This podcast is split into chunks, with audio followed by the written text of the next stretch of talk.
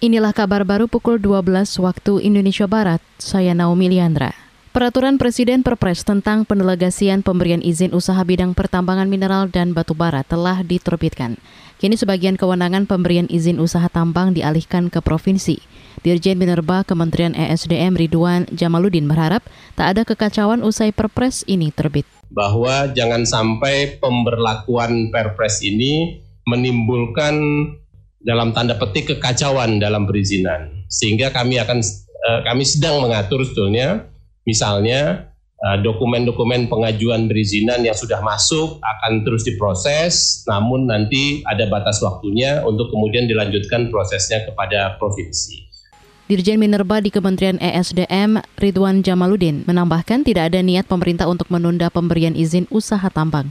Ridwan mengklaim kementeriannya tengah mengatur transisi perubahan pendelegasian ini supaya berjalan mulus.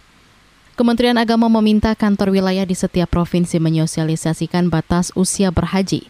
Pemerintah Arab Saudi sebelumnya menetapkan batas usia haji harus di bawah 65 tahun. Mengutip antara Dirjen Penyelenggaraan Haji dan Umroh di Kemenak Hilman Latif meminta sosialisasi kepada masyarakat harus efektif sehingga bisa meyakinkan calon jemaah.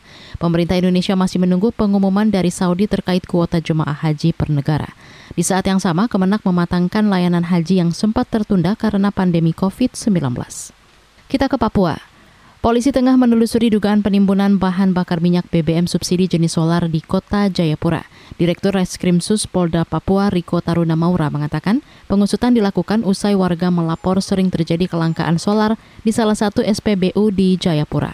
Modusnya dengan ulang balik beli nanti akan kita kembangkan apakah memang uh, dari uh, pihak SPBU-nya sendiri ikut-ikut bermain di situ, pilihnya di SPBU Tanah Hitam.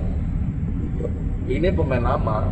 Kalau masalah seringnya mungkin tidak setiap hari, tetapi dalam waktu-waktu tertentu.